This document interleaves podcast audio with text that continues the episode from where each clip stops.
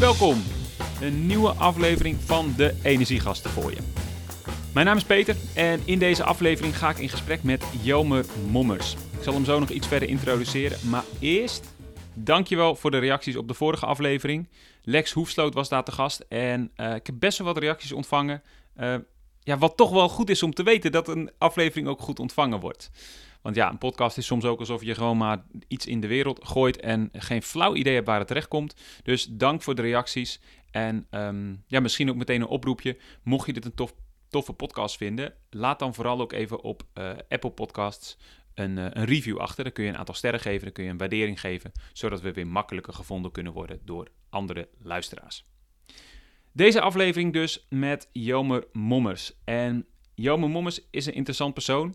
Wat mij betreft is hij een van de belangrijkste jonge um, spelers in het klimaatdebat. Hij werkt sinds 2015 bij de correspondent en doet daar echt baanbrekende dingen. Hij heeft onder andere een, ja, toch wel een buitengewoon uh, uh, sterke interesse voor Shell. Um, waar hij onder andere in 2017 een oude klimaatfilm van Shell opnieuw openbaar heeft gemaakt. En dat opnieuw openbaar brengen is echt wereldnieuws toen geworden. Um, en heeft er ook voor gezorgd dat, dat zijn naam nogal bekend werd. Um, daarnaast heeft hij in 2019 ook een boek uitgebracht. Uh, hoe gaan we dit uitleggen? En dat boek is ook vertaald naar het Engels, is dus ook echt internationaal te koop. Is ondertussen al een bestseller. En um, ja, wat dat precies betekent. Er zit een sticker voor op het boek. Volgens mij is een bestseller tegenwoordig meer dan 30.000, maar dat weet ik ook niet precies. Het was in ieder geval goed verkocht. Um, en het leuke is ook nog eens dat ik aan het einde van deze aflevering drie van die boeken weg mag geven. Hoe je daar kans op maakt, laat ik je zo meteen weten aan het einde van de aflevering. Maar dat is in ieder geval tof om te weten. Jome schrijft dus over klimaat. Hij schrijft ook over democratie. Dat is zijn combi tegenwoordig. Een super interessante mix als je kijkt naar wat er gebeurt in de wereld. En daar ga ik het uiteraard ook met hem over hebben. Het gesprek wat ik met hem voer is opgenomen in de Student Hotel, namelijk tijdens Climate College Tour. Dat is een evenementserie waar ik de vaste interviewer ben. En um, dat is uh, een event wat door de Student Hotel en Sungevity georganiseerd wordt. Sungevity is een zonnepanelenbedrijf, dus mocht je toevallig op je eigen dak nog geen zonnepanelen hebben, ga dan vooral even naar sungevity.nl om te zorgen dat je eindelijk ook, net als uh, meer dan een miljoen huishoudens in Nederland, zonnepanelen op je dak hebt. Zo, dat is genoeg intro, genoeg reclame, um, maar vooral ook genoeg, volgens mij, um, reden om naar het gesprek te gaan luisteren met Jomer Mommers. Veel plezier met deze aflevering. Yes, welcome Jomer. Thank you. There we are. Yeah. This is the book. Um, and we've got the Dutch edition as well. Maybe to start with that, two different titles. Yeah. It's sometimes you see that the Dutch title is really changed towards the English version. This is mm -hmm. quite a literal translation. Was it obvious? Is that was I it your preference as well, or how yeah? I think we were very actually finding the Dutch title was a very long process, but once we settled on it, we were very happy with it, and it worked very well in the Netherlands. So when a British publisher first became interested in the book, um, it was very obvious to them that this would be a good title. So uh, I think I think because it's appealing as a question, how are we going to explain this? Yes. So yes. Um, yeah, it was it was quite clear that we were going to that we were going to use it. Yeah. And the journey was longer for the Dutch version, you say, because it seems so obvious, but that's probably with the most obvious titles, right? Yeah. Can you share yeah. a little bit about it? How was the well, process? we had several options on the table, and and um, some of them were, in hindsight, very bad. But at the time, I thought they were good titles. Can you share the worst one at that moment? The worst one was um, in Dutch, wij dragen het vuur. We carry the fire. Hmm. And that was a sort of a met metaphor from um, a post-apocalyptic book that I found interesting. And, and uh, I don't even have the, uh, the, it's The Road, I think. Um, and uh, uh, it was sort of a metaphor that I found interesting, and I thought it, was it would speak to people that we are the ones carrying the flame of humanity into the future, and everybody just thought I was crazy. Like the Olympic Games, a little bit. yeah, like for even suggesting this. And there was another one. Um, there is something in the air, uh, which was you know, we thought it would have this nice double meaning. There is CO2 in the air, but there's also change in the air. Yeah. Um, also didn't make it because this this title was just much better. This is it. Yeah. We will dive into it. Um, this interview probably will relate a little bit to how the book is being set up. uh, because you start with the problem in the book. What is Yeah. the problem? Uh, Yeah. So we'll g- talk about that. Uh, also, um, what might be the solutions, um, and what can we or who should do what to get in the solution direction. Yeah. Um, I won't be the only one asking the questions. So if you've got a, a, a question you want to ask to Yoma, please do that in the chat uh, function. Um, and we will behind the scenes moderate. So we can probably not answer all the questions, but we'll do our best. So please ask your question if you have one uh, for Yoma as well. Um, and at the end of the interview, we will probably also move a little bit into, let's say, more the climate and democracy elections coming up Yeah. direction where you are also really into at the moment, right? Right. Yeah. Yeah. Cool. All right. You work at the Correspondent, uh, a journalism platform. Um, so I would really like to hear a little bit about your journey. Uh, was it obvious that you started off as a journalist or not? You studied journalism to start with, I yeah. suppose. Yeah, I did. Yeah. Yeah, well, and and you know, in hindsight, it's always easy to sort of um, uh, uh, look back and see your own journey and say that it was very logical that you ended up where you did. Yeah. I don't believe that's true. I think it's uh, it's more or less um, uh, a a question of impro- improvising and making choices along the way. And you know, in the end, it looks sort of logical, um, but actually, a lot of it is a question of luck. You know, uh, our, our, um, I was lucky enough to get into the journalism uh, masters in Groningen, where I studied, for instance. There was a numerus fixus, uh, it's called in Dutch, and, and Yeah. so not everybody who wanted to study that could get in. I was lucky enough to get in. Uh, I was lucky enough to get a good education, to have a good internship at a magazine here in the Netherlands, and so uh, all those steps uh, sort of paved the way for me to get where I am now. Um, and um, But you did make you did make the decision to to want to study it, right? Def- Definitely, and actually, my interest in the environment and climate change was was a big part in that because actually, Early on already. early on, the thing when I was still studying communication sciences, which I did before I did journalism, uh, I I got interested in this question of how are we treating the environment and and what's what will our future look like. Yeah. Um, and that was actually the, the kind of topic that really sparkled my attention and what, that made me engage with the public debate. So I actually started blogging, Ah. which was something you did back then. Yeah. Um, or some people did anyway.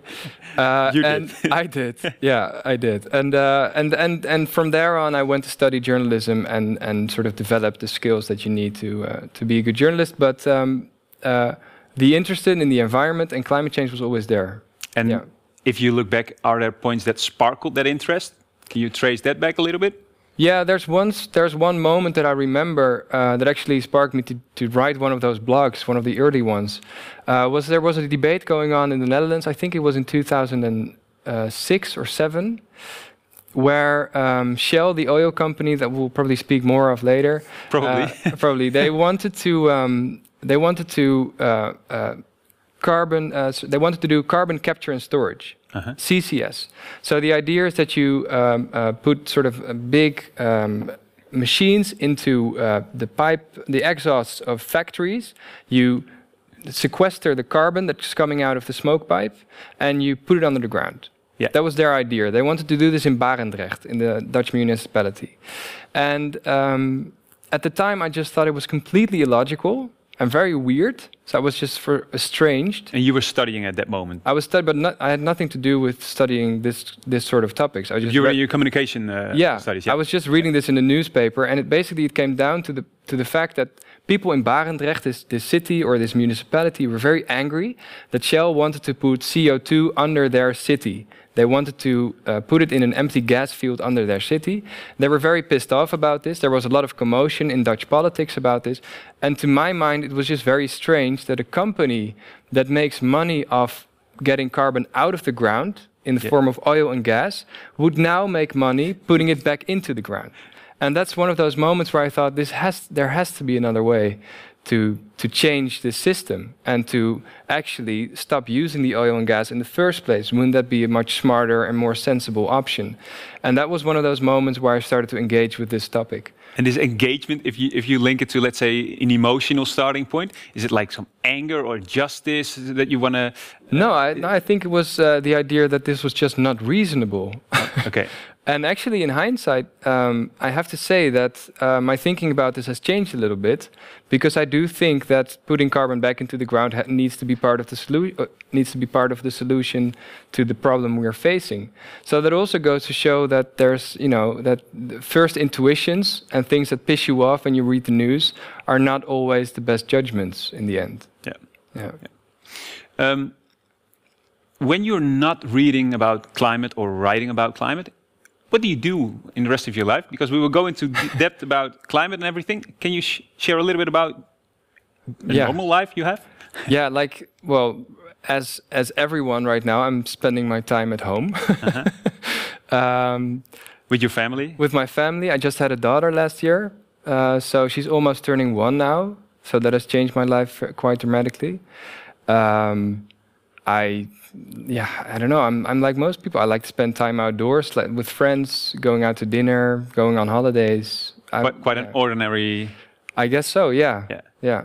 And yeah. in the climate direction, because I read an, an article in, in the Parool uh, with a beautiful picture of you in your little uh, moestuin, I would say, uh, a garden. Yeah, like yeah, my, my mini garden on the balcony of my house. Yeah. And and what what it relates to for me is that it seems that your life is also changing because of what you're doing professionally. Do you see it like that, or is yeah, it not that direct? To a certain extent, you know, you make choices. So, but so in in that interview you mentioned, I, at the time I was um, uh, growing tomatoes in my home, yeah. uh, which was a funny idea, but also a bad idea because the, those plants get really big really quickly, and they sort of take over the whole room, and you have to spend a lot of time keeping them in them in shape and, and, and to get good tomatoes and stuff. And I was also doing eggplants and and peppers, and it was fun to learn how to grow plants.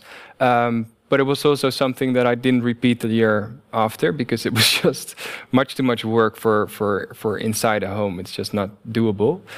Um, but that was one of those examples where I tried something. Yeah, of course. And uh, I'm also trying uh, to get solar panels on my roof, but I rent a home, so it's difficult. And there are things that you do, obviously, um, but there are more things that you don't do. Actually, I think as a climate person. So in my case, I don't fly. I haven't flown uh, an airplane for I think four or five years. Um, I don't eat meat. Uh, None. No, yeah. I don't try. I try not to drive as much. So there are, I think, a lot of the things that you can do now are are things to like absence. Uh, mm. we will get to this probably a bit more at the, the solution part. It's interesting. Yeah. Yeah. yeah. Um, so now you're working at the correspondent. The correspondent is it's by itself we could have an in-depth interview about the correspondent, right? Because it's quite phenomenal that a new platform has over 70,000 members or something in that. Yeah. And, and yeah. you're, let's say, their lead on climate uh, and democracy. I should add now, if, if I'm correct. Yeah. Uh, how's it to work there? Yeah, it's a great company. Well, it's weird now because we don't see each other at all, and it's like all companies now. That's very. It's very hard to do your job if you miss your colleagues. You miss talking to each other. Um, uh, but it's yeah, it's no, we're we're we're growing quickly. Actually, um, uh, even now, uh, I think people are joining the correspondents because, especially now, this is a time when people are looking for news sources that sort of give context to mm-hmm. the world. Uh, we, there, there's such turbulence and there's such chaos and insecurity, and and everybody knows and feels that this probably won't go away very quickly. So we're looking for for the kind of uh, news and journalism that can help us explain how the world works and how we can change it. Yeah. And that's what we do at the Correspondent. Yeah. So, um, within your job at the Correspondent, you, you decided to write a book. Yeah. Was it a logical choice leading from the articles you already wrote? Was there an epiphany moment, something like that, or someone said to you, "Hey, what you should do"? Yeah. How did they go? Uh, no, I think I think the idea, our model, sort of at the correspondent, is when you work for for for more or less long time on a certain topic. At some point, I wrote, I think I wrote over like 200 articles on climate change uh, after five years of, of writing on it. And I sort of came to the point where I wanted to write something bigger and make some sort, some sort of um, some claims that would last a little bit longer than just one article. Yeah. So it was like inherent uh, uh, uh, wanting to do this, and it was also I, get, I was given given the opportunity by the correspondent to take leave and to, to you know to write the book. Mm-hmm. Uh, and to get help uh, writing the book actually as well uh, with edit great editors and great colleagues reading along and so that's that's how it came about yeah what what lets you say the aim of the book Well, it, it tries to. Um, there's a lot of people I think who who rather not think about climate change Hmm. and rather not talk about it, and it tries to give those people the kind of information that they can deal with it, so that they don't have to look away anymore, but that they can deal with it because they know that yes, there's a whole bunch of stuff that's going awfully wrong, but there's also some developments that are actually quite good and, and working in a good direction. And, uh, and each and every one of us can play a role in this equation. And I think once you start looking at the climate debate with that, um, through that prism, it starts to become bearable. In your book, you mention one of your friends, Tom is his name. Yeah, yeah, Um, and Tom is one of those, let's say, I don't want to yeah, I don't want to see the problem. I just do my thing Yeah. and go on, right? Yeah. So you could say in a, in a way that this book is written for the Toms out there. it's written for everyone who acts like Tom. Yeah, and and that's the thing. Um, there is a lot of us. We are as a society. We're in a moment where we have tremendous amounts of knowledge, both of the problems that we face, but also of possible solutions. But because it is such uh, a dire subject, and because the you know climate change basically frightens us, Yeah. we prefer to look away. But it's Um, quite a tough book in the beginning as well. If, Yeah. I, if I must be, uh, I shall Yeah. be honest with you. It's if I was Tom, and I'm, I'm Tom in some way as well, because Yeah. sometimes I think, oh, do I really want to look at it every day? No, but I'm like Tom as well. So that's the point. We all have a Tom inside of us, Yeah. but we also all have this other side where we are citizens who want a decent future, who don't want the kind of inequality that we see now, the kind of um, uh, climate disasters that we know that will come. So those both sides are in each and every one of us, and so we have to help each other a little bit, I think, to to be the better person, sort of. Even you yourself, you say, ha- have that thumb in you. Of course, yeah, I, of course. If I if I want to have a night off, I'm not going to look at the environment section of the Guardian or something like that. I won't I won't look up the news. Yeah. No. How, how is that? Um, let's go into the problem, what is happening in a minute. But before, um, how is it for you in, in that process and also in your work still nowadays? You, you read so many articles on how dire the situation is. How do you stay sane? Yeah, well, I think the the sort of the two sides of the equation that I just uh, sketched out are very helpful, because always when you take in this information about you know uh, last year being tied for the warmest year ever measured, or it was the second warmest year, it depends on uh, whose measurements you follow. Um, s- uh, you know, information like that, information about forest fires. Um, well, probably everybody knows what you're talking about. Uh, it's very, it's very shocking, but it's not the whole story. And so, yes, um, we are losing insects, for instance, at a at a horrific rate, and that's terrible. And at the same time, there's people all over the world who have realized this, who know that this is an urgent problem, and who are starting to build alternatives and build a, a really different system. And actually, when you also look at that part of the equation, it really it really changes your um, yeah your view of the whole subject. So you fuel up by Yeah, these new developments, these, Yeah. new, these people with new ini- initiatives yeah. to battle it, so to say. Yeah, and to but it's not like so there's no point where you can say, oh well, now I've I know so much about how quickly solar panels are being sold and how quickly the solar market is growing. I won't ever be depressed anymore about forest fires because it just doesn't work like that. Of course, it's depressing, um, but there's also the other reality that we have to keep in in our minds, and and uh, yeah, it's really what we really struggle with is holding these two storylines in our minds at the same time. Yeah. Yeah. And in your book, it probably is a challenge because at some point you also, let's say, um, you say, oh, hold on a few more pages, and then we get to Yeah, let's yeah, say the yeah. more hopeful part. You'll so it's quite a struggle, I suppose, writing it that you really get people through those first 50 pages Yeah. or something. Yeah, it, it, it yeah, that's it's not too uh, thick the book. That's true. that's one one way of uh, reaching that. And even the. English Yeah. version is less thick. That's probably Yeah. the paper, or is it is it less words in it? English is uh, uh, a slightly more efficient language, so it also has Ah. less words. Um, It's quite a difference. yeah, but it's also just another type type font and different printing uh, method. So, yeah, cool. Um, um, what? Let's let's get to um, one aspect of your journalism. Uh, uh, let's say expertise before we move to the problem? That's a question from Lex Hoefsloot. Lex Hoefsloot was the former, uh, uh, let's say, um, guest in Climate College Tour. He's uh, the CEO of Lightyear, a Dutch electric uh, vehicle company, and he has a question for you about how to stay up to date uh, as a journalist. Okay. Can we get that uh, question? Uh, yeah, what we've been very interested in is uh, so the asking the, the question you asked me. Uh, how do you make sure you uh, you're up to date? How does Jamon do that? Because that's also that's that's a task of a journalist, of course, and um, it's very hard because there's a, a lot of noise by by companies, lobbyists, etc. And to actually get to the truth of it, that's uh, I would be uh, interested to hear from from him. Yeah, that's a good question. And actually, I struggle with it as well. The noise he's mentioning, that there's so much information coming at us every day that it's hard to select. Uh, I think I try to read books more than, the, than just the news. Um, and that's always a better source for, not m- mostly for the most recent. No, I'm, I'm not trying to sell my book to you. No, it's it's a good source for um, not necessarily the most recent events, but for thinking about this this kind of stuff. Uh, so I think maybe it's sometimes better to read a book than to read uh, all the news.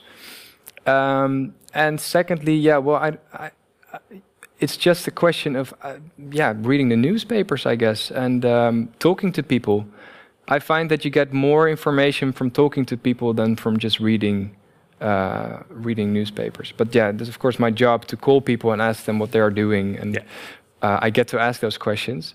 Um, So it's Yeah. a combination of books, people, and choosing your news Yeah. sources, your uh, yeah, papers. and I think for all the garbage that there is on Twitter, it's actually a very good tool to keep up keep up to date as well, because there's a lot of people who share uh, newsworthy stuff there. Yeah. So that's also quite a good source actually to just read, to just continue to be updated on what's happening. Yeah, but then it could be interesting to see who the persons you follow, right? Because you make Yeah. a selection yourself. Yeah. Yeah. Yeah. Yeah. All right. Um, let's move to, pro- to the problem. I think everybody can put himself or herself into a position where you at a, at a let's say a, a anniversary like a, a birthday party. Maybe not so in this period but let's suppose we are at a birthday party and someone says to you hey you work a little bit in climate or in, in sustainability or you know something about it. What's happening? Yeah. can you share like how do you explain it in a nutshell? Uh, okay, so very shortly, I think at some point in the history of mankind, about a few hundred years ago, we found out that we could fuel our progress by burning carbon, in you know oil, gas, and coal, and uh, it gave us a huge boost in our development. And we, you know, we started living more comfortable lives. We could grow more food. Um, uh, we could, you know, drive cars, fly pl- fly planes around the world. Everything sort of got better. And um, at some point, we found out that burning all that carbon has this very big side effect of um, the accumulation of carbon in the atmosphere. Um, so most of the carbon that we burn, uh, or about half of it, will actually stay there for, for decades, and some of it will stay there for, for hundreds of years. Um, and when we found out about this in you know the 70s, it was pretty clear that this was happening. This, um, in the 80s, there was more evidence. In the 90s, we were pretty sure that this was a problem. We're actually very sure. And then you know, in the beginning of this century, we were absolutely certain. It was beyond a reasonable doubt that we were causing climate change, and it, it had huge impact already, and it would have bigger impact uh, after that.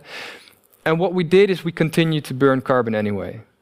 And that's why climate change is such a big problem now, is that we've been waiting for decades to take action that we should have been taken uh, at the end of the 70s because we had enough information back then to make the choices we needed to make. So that's the problem. And, and, and why are we still doing this? Well, we, we sort of got um, tangled in, or we sort of developed a system that has its own logic. Our economy, you know, is fueled by fossil fuels, and it's just um, it there, it has a lot of momentum and a lot of interest in keeping running the same way. So I actually read about this metaphor a few days ago that um, there's this book. Uh, uh, Around the World in 80 Days. It's by Julius Verne. I haven't read it, but I read about it a sailor isn't it a sailor, and uh, he actually tries to sail around the world in 80 days. Uh, but it's apparently also has a steam engine on board to power his journey. And at some point, he needs to make more progress and he needs to sail more quickly. And he just says, well, you know what? Let's just take the cabins, let's just take the beds, let's just take the steering wheel and burn it all in the engine to keep going.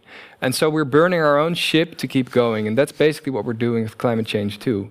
We're bur- burning all that carbon to keep the economy going, but actually, we're burning our own biosphere. And we are creating such damage that, you know, actually the world is, is already, through our actions, the world has been changed forever. And people have a very hard time taking this in because they think that, you know, humans are, you know, we're many, but we're still small and the earth is so big. Yeah. But actually, you know, just a few percentage points change of the carbon contents of the air is enough to kick, kick off this huge change that will stay with us for centuries. And so, yeah, that's, I don't know if it was short enough for, a- for an anniversary, but that's, uh, that's the story of climate change, I think. It's interesting because if I imagine myself being on that birthday party and hearing this story, it's so mind-boggling big if you if you share it. And it's like Yeah. I don't want to see that sailboat where all the shit is pulled apart, Yeah. teared apart to burn my future. Yeah. Uh, it's it isn't that also the this the Tom thing happening right here? Yeah. Yeah, but you asked me what climate change is. You didn't ask me, um, um, you know, wh- what does the movement to battle climate change look Yeah, like? We will move to that. Right? Yeah. yeah. Because I think that's the thing. And maybe you're right. Maybe I'm not communicating about it in the right way. Maybe I should. But I think uh, it's very important to understand the problem in the right way before you start talking about solutions. Otherwise, you'll you'll come up with solutions that make it worse. So yeah, that's why I'm I'm sort of I share these depressing But thoughts. it's, it's also interesting what you mentioned because s- when the solutions are built up on the same system, Mm-hmm. same system of capitalism, economic growth, the green growth Yeah. economy. yeah, yeah. wh- what's your view on that then? Uh, well, that's a good. That's a very good question. But actually, my view is that once you build a truly sustainable economy, so one that doesn't burn uh, carbon and that leaves the biosphere intact and that doesn't destroy ecosystems, because that we're not talking about that right now. But that's actually the other half of the of the problem is that we're uh, we're killing off other species at a very terrifying rate. Um, and once we stop doing that, the economy will, will have changed so much that it won't be the capitalist society that we live in now. So other values will become important. Um, I think, I think, and I hope people will take the opportunity to deal with climate change and inequality at the same time. So I hope the world after we deal with climate change, uh, or after at least we m- mitigate the worst effects, won't be as unequal as it is today. And so all these big issues sort of are uh, intertwined. And um, there, really, I think to my mind, it's quite impossible that you would have a, a capitalist system as you have it today, and you would have somehow solved climate change as well. I don't think that's possible. Okay. Okay. Yeah. Let's. Um, I'm going to check uh, some questions and see if we can get to a few questions in between. Ah, that's a nice long one. Let's see. Lisbeth asks a question. How do you think about the interaction between climate and environment? Do you share my worries about the influence of, say, sun power fields and windmills on the space left for the 99% of life on Earth? And what do you think about the interaction of biodiversity and gases warming up the Earth? Yeah, that's a lot of questions into Yeah. one, huh? Yeah. Uh, But you're the expert, so yeah, yeah. No, I'll try. I'll try. To, I'll try to um, to answer. Um, so the interaction between climate and environment actually actually just mentioned it uh, in a way that you know the other big crisis, the one of biodiversity. Um, and the the question is, do I worry about uh, the effects of renewable energies like sun, solar fields, and windmills on, you know, on on ecosystems? And yeah, in, in, to some extent I do, but I'm really conflicted about this because I think um, what a lot of people so there is no energy form without negative impact. It just doesn't exist. So solar panels do have negative impacts as well. You need to mine certain minerals to make them. Uh, wind f- uh, farms uh, are can be very good ways to produce energy, but they have downsides in, for instance, for uh, birds. And I mean, No energy source is perfect. no energy source is perfect. But what people forget is that oil fields, tar sands that we have in Canada, for instance, um, um, cars, um, and, and pollution are way worse for the natural world than than these solutions. So yes, uh, uh, we need to be we need to take care of this, and we need to be mindful. But um, it's I don't think it's an argument not to use renewables to get out of the bind we're in. It's actually an argument to use it faster. To use f- it faster, but to do it in a smart way. So don't you know don't put windmills in uh, nature reserves. Yeah. Obviously, uh, I think, but I think most people agree about that. Have you got a favorite favorite? But is there in the renewables scene, let's say for you, a favorite source that you think like, hey, that's really So I think um, um, my personal uh, preferences, I think, are not super important. I think m- the uh, I think solar energy is is widely regarded as the most um, uh, uh, has the most potential. So I think I would I would just answer that. Uh, Yeah. For as far as I know, there's a lot uh, there's a lot more potential there. And it will actually probably go a lot quicker than a lot of people think. Yeah, that's that's have been So- happening a lot. Yeah. Yeah. Let's see for Yeah. one more question at the moment from Baltasar. Uh, hi, Jelmer. I suppose you know about the regional energy strategy of Amsterdam, Oh, yeah. planning amongst others wind turbines in and around the city. There is a lot of turmoil created around it, and I wonder how you see how that can be dealt with. Is it at the border of the energy transition and the local? It is Yeah. at the border of the energy transition and the local democracy. Yeah, that's a very good question. So, um, there's actually wherever you want to do a large energy project in the Netherlands, there will be resistance. So, whether it's uh, you want to build windmills somewhere uh, in Groningen where not a lot of people live, or I mean, a lot of people live there, but You like in an there, right? area, yeah, like in an area where a lot of uh, like a rural area, or you want to do it close to the city in Amsterdam, uh, there will be people objecting to it. Yeah. And I think the trouble here is that it's very easy to um, react to a planned windmill or a solar field from our own individual interest, like, oh, I don't like the way that looks. Uh, and I would sort of um, hope that people develop the capacity to look beyond their own immediate interests and think, well, if it's not going to be here, then where? Is it realis- realistic to hope for that? Well, actually, I think uh, not just out of the blue, because our whole system is built right now, and and the whole uh, our whole culture is built around the idea that individual ideas and preferences are super important, and you know. Um, but actually, and this is the big challenge for our democracy, we have to start dealing with the fact that we must do certain things, even if we don't like them Yeah. and that's new to us. So that's um, uh, that's a big challenge for democracy. And personally, I think one of the uh, avenues that we could research to try and deal with this is to give people actually the the opportunity to to to delve into this issue for themselves and to come up with solutions by themselves. So it will be their proposals. Yeah. And actually, so that's the, the regional energy strategy. RES is is is, um, is mentioned in this uh, question. And actually, that's an opportunity to give citizens a, a real say in how uh, you know how will Nether- how will the Netherlands stop burning oil, uh, coal, and gas. Yeah, I, I can't. I, it, it's a perfect moment to also mention what you're active in is Bureau Burgerberaad. Yeah. it's it's Dutch for um, let's say uh, the citizen assembly. Yeah. Uh, that's what you're referring to right now, right? Exactly. Let's So- let's do that in a short form. Yeah. what- because it really relates to this question. Yeah. What is a citizen assembly and how could that work? The idea is that you um, you use sortition. That's basically a lottery to come up with a group of people, like say 150 people, Random. random uh, selection. Yeah. but actually a stratif- stratified sample it's called so you make it so that these people are, are a representation of the whole society Okay. um, Of the Dutch society. of the the- Dutch society. Or if you want to do it in Amsterdam, you make it so that every uh, type of person that there is in Amsterdam, so young and old, um, man and woman, um, Mixed. whatever, Yeah. all of those uh, characteristics will be present in that forum of people, in that citizens' assembly. And you give those people a question like, how do you think that Amsterdam or the Netherlands can go to zero emissions and a healthy biodiversity in 2040 uh, without making inequality worse, Yeah. or something like that? You give them a good question.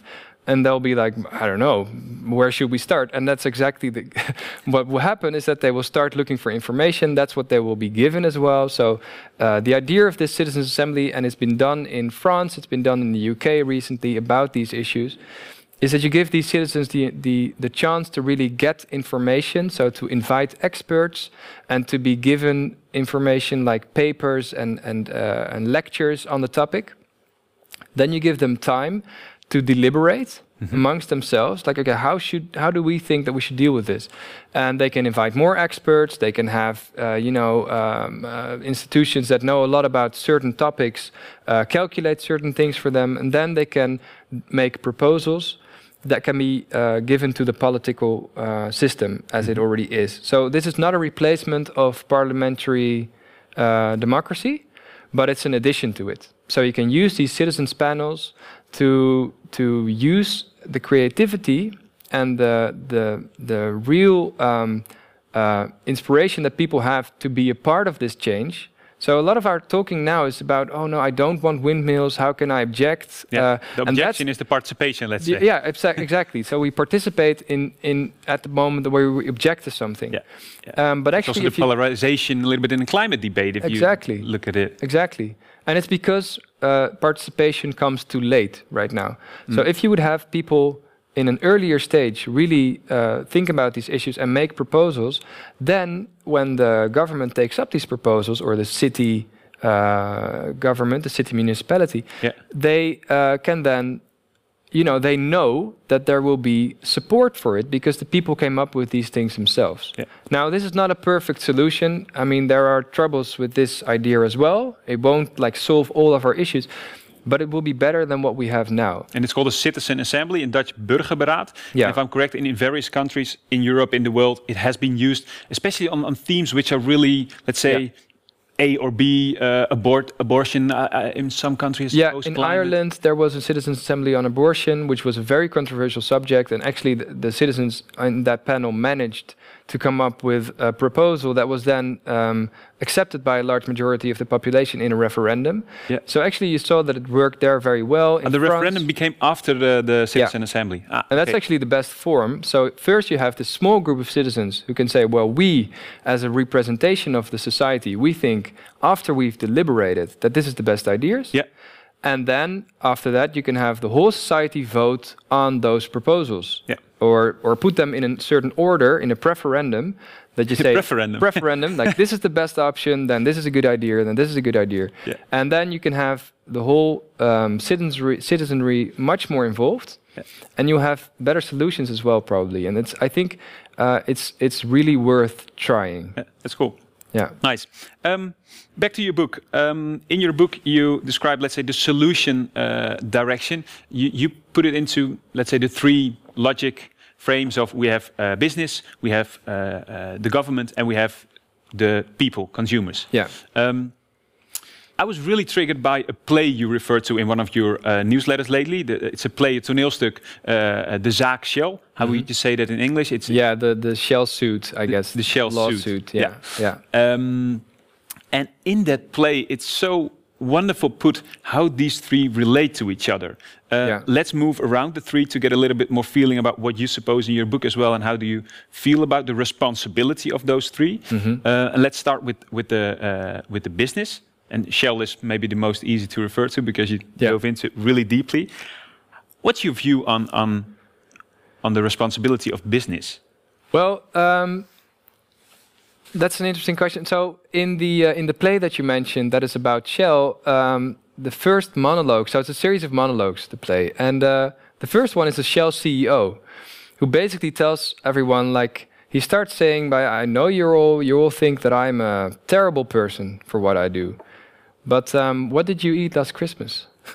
and he he asks these very smart rhetorical questions, and it comes. So people, you know, in in the play, he says, "Well, you probably, you know," he says, "You went to buy um, ecologically uh, uh, fair produced chicken, but you took the car to do it. Yeah. And really, do you think that you can tell me what, what I'm doing wrong while you're doing that? And that's the sort of rhetorical ploy that these companies and that a lot of us actually are using in this climate debate all the time is that we point, as soon as someone asks us, What is your responsibility? we point to someone else.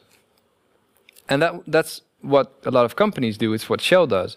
They say, you know, we are only producing the fuels that you're asking us to produce. And I think in the case of Shell, um, it's very important to say that no, uh, that is not true. We are not asking for oil and gas, and, and uh, we are asking for energy. And we really don't care, most of us, how it's produced. And we prefer, if you ask us, that it's produced in a clean way. So that argument doesn't really um, hold, uh, hold, hold, hold. It can really stay, uh, stay put. And and the um, um, the responsibility of these companies is to stop pointing to other players. So stop hiding behind what the government uh, wants to do. Stop pointing to consumers and look at their own responsibility. And companies have their own responsibility, and they're actually obliged to not um, uh, break uh, the human rights of other people, for instance. And that's why the, the lawsuit against Shell is very interesting. Yeah. Um, they are obliged also. That, that's a lawsuit by Milieudefensie. yeah, Uh, Friends of the Earth Netherlands. Yeah, yeah. So, so a combination of a f- few organizations yeah. against Shell. against Shell, and that the, the, the claim they're making is that it can, it, you know, um, Shell has its own responsibility and it needs to wind down its fossil fuel operations. Um, we will see in May what the what the judge uh, thinks about that. You write about that suit as well, right? Yeah, I will definitely write about the, uh, the that lawsuit. But the, um, so the, the bigger point here is that I think a company like Shell has its own responsibility. All companies have their own responsibility, and also to their shareholders. You know, they are they are companies set up to make as much profit as they can. Yeah. That's the system in which That's the system in which we are operating. And uh, any reasonably uh, minded uh, CEO today should understand that the current fossil fuel economy will end. It cannot sus- be it is not sustainable and it will not go on forever. So you need to get out of fossil fuels and fossil fuel related activities as quickly as possible. But then you get easily to the short term of shareholders, right? Because it's Yeah. not about we want to have revenue in 50 years, because then they would do what you're now saying. But probably their Yeah. interest is on I want returns next year. Yeah, that's the problem. So, uh, so that's why in the book also I conclude that these companies, to a certain extent, don't really have other options than to do what they do. But they do have other options to, uh, for instance, when they lobby. Um, uh, a lot of the lobbying of these huge corporate uh, interests is focused at uh, being as profitable as possible and being, you know, to continue their operations forever. But they do it under the guise of being part of the solution, right? So they present themselves as actually we are also changing our ways, we are becoming more green. And I think one thing they could do is at least be honest about it. Yeah. If you're investing 95% of your money in more oil and gas, you're not part of the solution. You're They're just, not honest, you're saying. You're just not. Yeah. Yeah. So that would be a good first step. If I would be, um, uh, we were the same age, 33. Yeah. Yeah. If I would be uh, doubting to move into Shell right now, Yeah. let's imagine, um, and and um, I would ask your advice because Mm-hmm. there's this rhetoric that from the inside you can change it, right? Uh, Yeah. Or from the outside you cannot do a lot. Yeah. If I would ask you, should I join Shell to change it from the inside? Uh, well, actually, I spoke to a lot of Shell employees, and well, the sample of people that I spoke to isn't representative because it were people that were wanting to talk to me, so they had something with climate change. Yeah. Uh, but most that I spoke to were pretty disillusioned about what they could achieve within Shell. So you would say no to me. Yeah. Okay. No, yeah. Okay, clear. Let's see if there's a question on this uh, company, uh, uh, maybe Shell uh, part. Um, Erik asked a question. The history of the Netherlands is grounded in fossil fuels. First, it was the gas from Groningen, and now we are leaning on the newer coal plants built in 20, uh, 2006. The investments in the infrastructure around these fossil fuels and contracts with the suppliers created a locked-in effect. This creates a very difficult situation for the Dutch government to transition to green energy. What do you think? And then the last sentence is not The visible last sentence doesn't fit on the screen. screen. Um, What do you think of this? well, yeah. What do you think would be the solution for getting out of this locked-in effect? Yeah, Hmm, that's a what do you think is the, is the solution to get out of this locked-in effect? Yeah, that's a very good question because each and every new investment that is made today in fossil fuel related infrastructure, so a pipeline, a drilling rig, or whatever, uh, people will try and use it. The, these companies want to use it for decades to come because that's the term, you know, for them it will be profitable. Yeah. Uh, for them to make it profitable. Um, And so one thing is to just stop to just say we will not permit companies in the Netherlands and in other countries to make new investments in fossil fuel related infrastructure. So that's the role of the government already. That's the role of the government. And I think the government needs to play that role because nobody else can do that. Yeah. And actually, some countries are saying this. Uh, so in the book, there's a few countries I mentioned that have just decided to stop investing uh, or to ban investing in new in new uh, fossil fuel infrastructure. And even in the U.S. now, I think uh, Biden, President Biden, is considering, for instance, banning new oil and gas development on federal land. Uh, That's not nearly enough, but you can see this as a general trend. That a lot the of governments should act to get out of this locked-in effect. Yeah, I think only the government can do that. Okay. Yeah. Okay, cool. Yeah. Um, we've got about 15 minutes left. Uh, let's move a little bit from the company side to uh, consumers, which is something you deal with in your daily life probably as well. We Yeah. already spoke about your little garden, about flying. You stopped flying. In, in let's say the climate world, it's a lot about what to do, what not to do anymore, right? I can't fly anymore. I can't eat meat because otherwise I will Yeah. impact the climate. Yeah. Uh, is that the whole picture?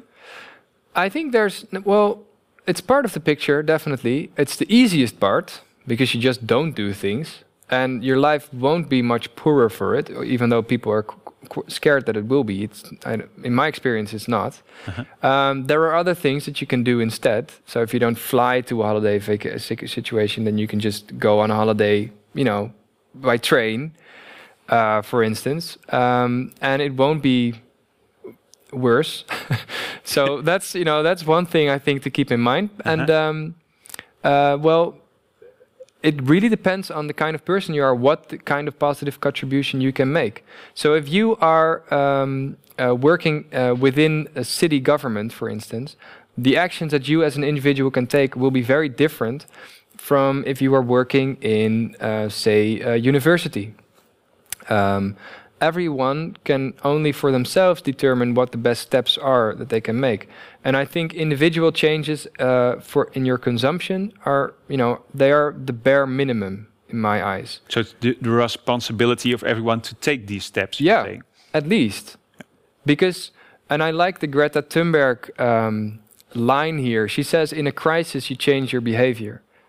You can't just keep pretending, keep pretending that there is no crisis and that you don't have to change your behavior. Yeah. So that's the least you can do.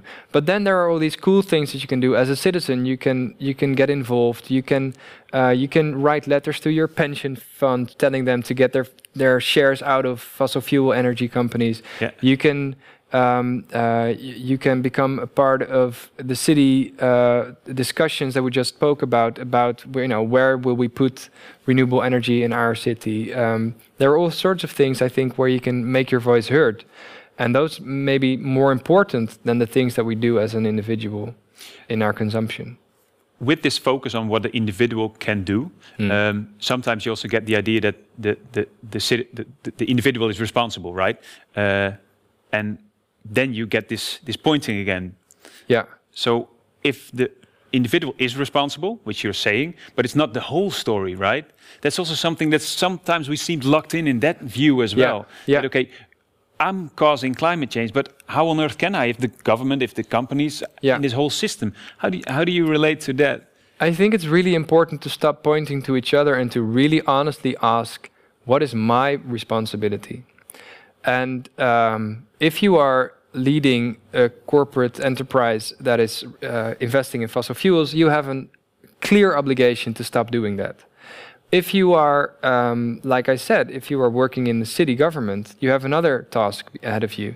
I think everyone needs to find their own uh, role. And what's clear is that every every player in society, be it a government, uh, uh, businesses, or citizens, have their own responsibility. And uh, we can only solve this if everybody takes that responsibility, Yeah. or at least stops doing the wrong things. You know, that's what I said, the bare minimum. Yeah. So every time, I'm just thinking from every time I'm pointing to someone else, I should instead be Yeah. considering what's my own responsibility. Yeah, more helpful yeah. at least. I think that's more helpful, but it, it, it, it quickly becomes, it feels at least now, if you say it that way, it feels very heavy. And oh my God, we have to be responsible the whole day. But I carry the whole world on my Yeah, shoulders. you carry the, you carry the fire actually. Oh yeah. That's why the title was bad. Um, um, but actually, it's not about changing everything you do. You know, it's not about changing your whole life or becoming a completely different person. It's quite small things that you can do um, that will have the the necessary effect, and it doesn't have to take up all your time or all your thinking time. Yeah. So Yeah, can be a nice side yeah, business. it's not side that hustle. hard. Yeah, yeah, yeah. Uh, we're going to a few questions. Ruby M asks if you were asked to become Minister of Environment and Spatial Planning uh, in the next cabinet, what is the first thing you will do, and what should be the name of that new ministry? Oh, that's that's a good question. Actually, I'm reading a book called The Ministry for the Future, and I think that's a perfect name. Um, I don't know whether it would be only about spatial planning that ministry, but you know, let's just say it is because uh, that's the question. Yeah, and environment. Environment and spatial planning. Yeah, but the Ministry of the Future is more or less about everything, isn't it? That's true. Yeah. You, so you become prime minister. Okay. What would you do if No. you become prime minister? no, no, I'm I'm I'm not uh, looking for a political job at all. Okay. um, but uh, the, so the book is interesting because in the book, the Ministry of the Future is uh, is an organization from the UN that is um, uh, sort of a byproduct of the Paris Agreement. So it it comes into being in the future. We don't have it now in the Ministry of the Future, but it's like this world organization that is re- responsible for making sure that we get uh, to our climate goals. And I think it's a very nice idea to have a ministry specifically uh, tasked with doing that. Um, now the question was, what was the f- what would be the first thing that I would do if I were a minister like that? Well, I would call for a citizens' assembly to be held on the question that I just remarked, like, what do you, citizens of the Netherlands, think is a uh, socially equitable way to deal with the climate crisis and the biodiversity crisis within the next 10 or 20 years. So, what would your proposals be? Um, and uh, I think I would ask for a ban on um, on the new development of oil and gas in on our country and in our seas. Yes, it's a nice summary of the conversation we're having. It's- Yeah. yeah, and it's not the first time you think about this question because it's really it's it's really important which question you ask, right? Because you also mentioned social. Uh, socially equitable way. Yeah. yeah, that's because I'm I'm I think that um, so we also spoke about how uh, climate change was the byproduct of this huge development that we we went through as humanity, where we found out that by burning carbon we could fuel our progress. But it- the same system that fueled that progress, which is the fossil fueled capitalism that we have, also created this huge inequality that is unsustainable, just as climate change is unsustainable, or the way that we are now producing our stuff. Um, so we can't just look at um, uh, at climate change. We can't just look at biodiversity. We have to um, make the relations between these issues and inequality. Because, to put it another way, if we are not going to solve climate change in a socio- socially uh, equitable way, so in a fair way, then there will be so much resistance because people won't uh, accept the measures. If if there is so much inequality as there is now, yeah, if you or you get a totali- totalitarian system yeah, to get to let's say a green planet, but which in which there is no freedom anymore, no right? freedom, no democracy. Yeah, that's that's a sort of I think in the long term the sort of questions that we're faced with. Yeah. So we need to deal with these issues together. We need to strengthen democracy as we reduce our emissions. Hmm. We need to yeah we need to combine these things. Robert uh, asked the question Bill Gates is investing a lot of time and money into nuclear energy. What's your stance on using nuclear energy as one of the solutions for the climate crisis? Yeah, well, for a long time, my position was that nuclear energy is not a sustainable energy source. You need to mine uranium for one thing, and um, uh, uh, and it has huge risks, right? Um, but I've also come to the point where I think that we are moving not quickly enough to to say to have the luxury to say that we can just make the transition without nuclear energy. So I think there may be some um, some role for nuclear energy in the future. I also think that my position on this is not terribly relevant because I think it, the people of the Netherlands should decide That's the citizen assembly again. again yeah I'm, i don't want to just repeat that 10 times but or maybe i do i don't know i think it's i think it's just such a, an elegant solution Yeah. because then it will be taken away from me uh, white guy uh, with opinions Yeah. Jelmer says nuclear. Okay, we go yeah for it. okay uh, who cares Yeah. it you know but because at some point there will be a, a, a spot located in the netherlands where you know either a nuclear plant will be built or not Yeah. and there will be people living around that spot who will want to have a say. So you have to talk to those people, Yeah. and you have to talk to the whole uh, uh, population and talk to each other about this uh, to, to, to come up with the best possible solutions. Yeah. A question from Marlou. What do you think should change within the education system in order to inform students well about climate change? That's a really good question, uh, but I think I think um, the education system as it is is already better attuned to teaching kids about these issues than it was when I went to school and to university. Um, so I have the impression, at least, that people that are now leaving high school or leaving university know much more about these issues than I Yeah. did when I left. Yeah. Uh, so I think there is a good development going on there already. And is there something, if you look at it from a distance, that you should still change if you become Minister of Education? Well, I think um, so. To be honest, I don't really have. I don't really know what's in the curricula of high schools right now. So it's very hard for me to answer that question. But I think what's important is that it becomes a, a, an, a topic that is not treated as something separate. So today we have economics, we have history, and then you know there's an hour for you know probably in biology or whatever or in maatschappijleer. Uh, we- we'll talk for 10 minutes about climate change, or for you know for all for all I care, we'll talk about it for an hour. But if we treat it as something separate from all these other topics. We won't get the full picture because it's interrelated with our economy and it's interrelated with chemistry and it's so my view would be that it would be interesting to look at ways to um, to weave this topic into the whole education system. Uh, but you know, the It's- problem it's- is, w- when you're saying it, it more relates to, let's say, a value system on which your Yeah. education should be based, right? yeah, I mean, the whole idea, like in our economy, the whole idea that resources are finite is not taken into account. So we have a very weird economy. We don't talk about this enough. It's a very weird economy that doesn't take into account that fossil fuels will one day ru- run out. Yeah. And that fossil fuels have these huge costs that we're not taking into account. So we need to talk about these kinds of things. And I think um, uh, that takes sort of a holistic view. And, um, uh, you know, the sooner you start talking about that in school, I think the better. Yeah. Yeah. Yeah. Okay. Yeah. Cool. A question from Han. Uh, how do we tell these things to non-students? How do we explain this, basically, or how do you? Yeah. Um, I think in this in the same way we, we are talking now. Uh, maybe the question that pops up for me: some people will buy this book. yeah. Some Toms out there will buy this book, but a lot of people who still don't want to read it, Yeah. they still don't buy it because No. they. Oh, it's about climate. Oh Yeah. yeah, hot Yeah. Earth. Bleh. Yeah. I understand, but the thing is, and I may have sort of made a mistake in saying this earlier because I just hear myself saying that only if everybody takes their own responsibility will we solve this. I actually don't believe that. I actually think that if a small group of people, mm-hmm. a few percent, maybe 5% of the people take this very seriously, and change their behavior and ask for better policies and start voting differently in elections, that will create momentum for change. It may not be enough to get like the one and a half de- degree target from Paris, but it will be enough to to set in motion this transition uh, to a truly sustainable economy. And actually, we're already doing that. Uh, so I think um, uh, it's fine if not everybody is talking about this all the time yet.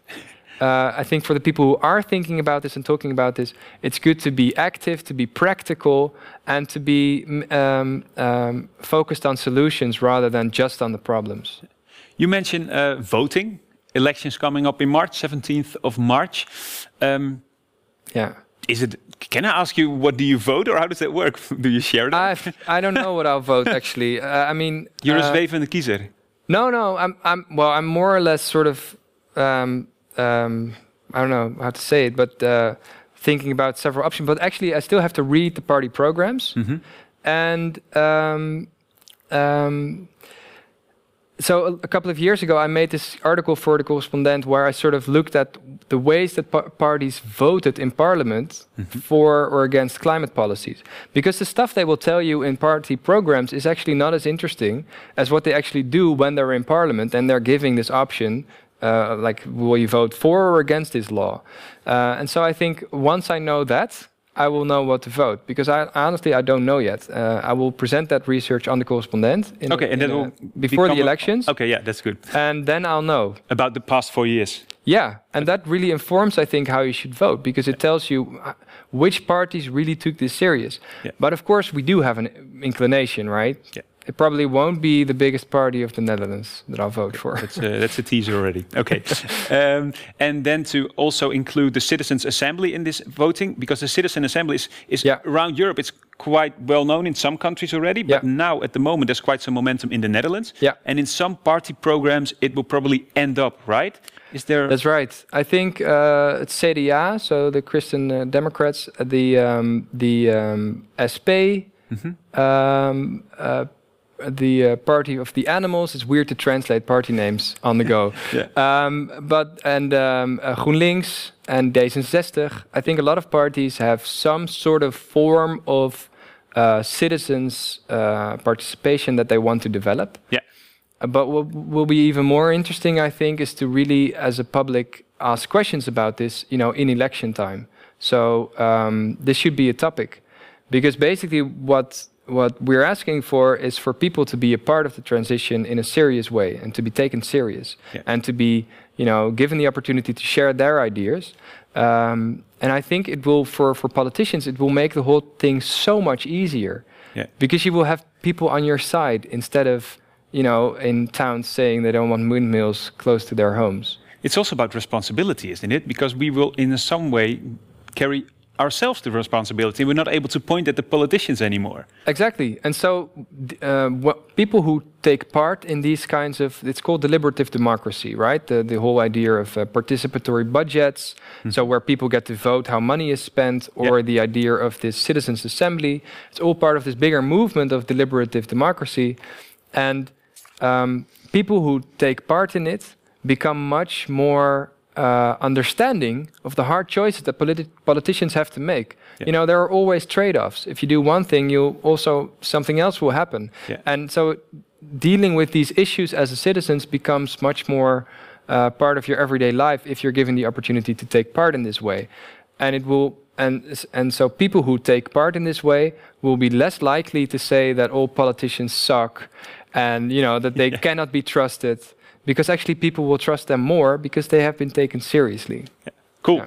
Um, it's one minute past six, so we will end this session. Uh, final question Any ambitions for you for the near future? What are your plans? You're now writing about climate and democracy. Yeah. Is there anything in the pipeline uh, worth mentioning here? Uh, well, no, basically just that. I, w- I want to understand the way that democracy and climate sort of meet each other or don't meet each other, what the opportunities there are. And I think it's uh actually a lot of hard work ahead of me um, uh, to do that. And maybe, maybe if I do that for like five years, Yeah. and I have this, and I'm come at the point where I think, okay, I actually have something to say that is more interesting than an article. Maybe I, I would like to read a, uh, write a book about it. Okay. But So a- that's- a, book more on climate and democracy. Yeah, why not? If that's still my subject in five years, then that will be. I think that might be interesting. But You're it's not too- going into politics. That's something that's clear. Yeah, no, no. Not gonna happen. Okay. Cool. Um, thanks a lot, Jelmer. Dat was hem. Het gesprek met Jelmer Mommes. En het feit dat je dit nog hoort, betekent dat je het waarschijnlijk net als ik extreem interessant vindt wat hij doet. En dan is de kans ook groot dat je zijn boek al gelezen hebt of dat je zijn boek wil gaan lezen. Nou, goed nieuws. Drie exemplaren daarvan mag ik weggeven van het boek Hoe gaan we dit uitleggen? Heel simpel, ga naar energiegasten.nl slash jomer, energiegasten.nl slash jomer en laat daar je gegevens achter. Doe dat voor 15 maart, dan hoor je in de volgende aflevering of je gewonnen hebt en of jij dus één van die drie exemplaren opgestuurd krijgt. Dank voor het luisteren en tot de volgende aflevering.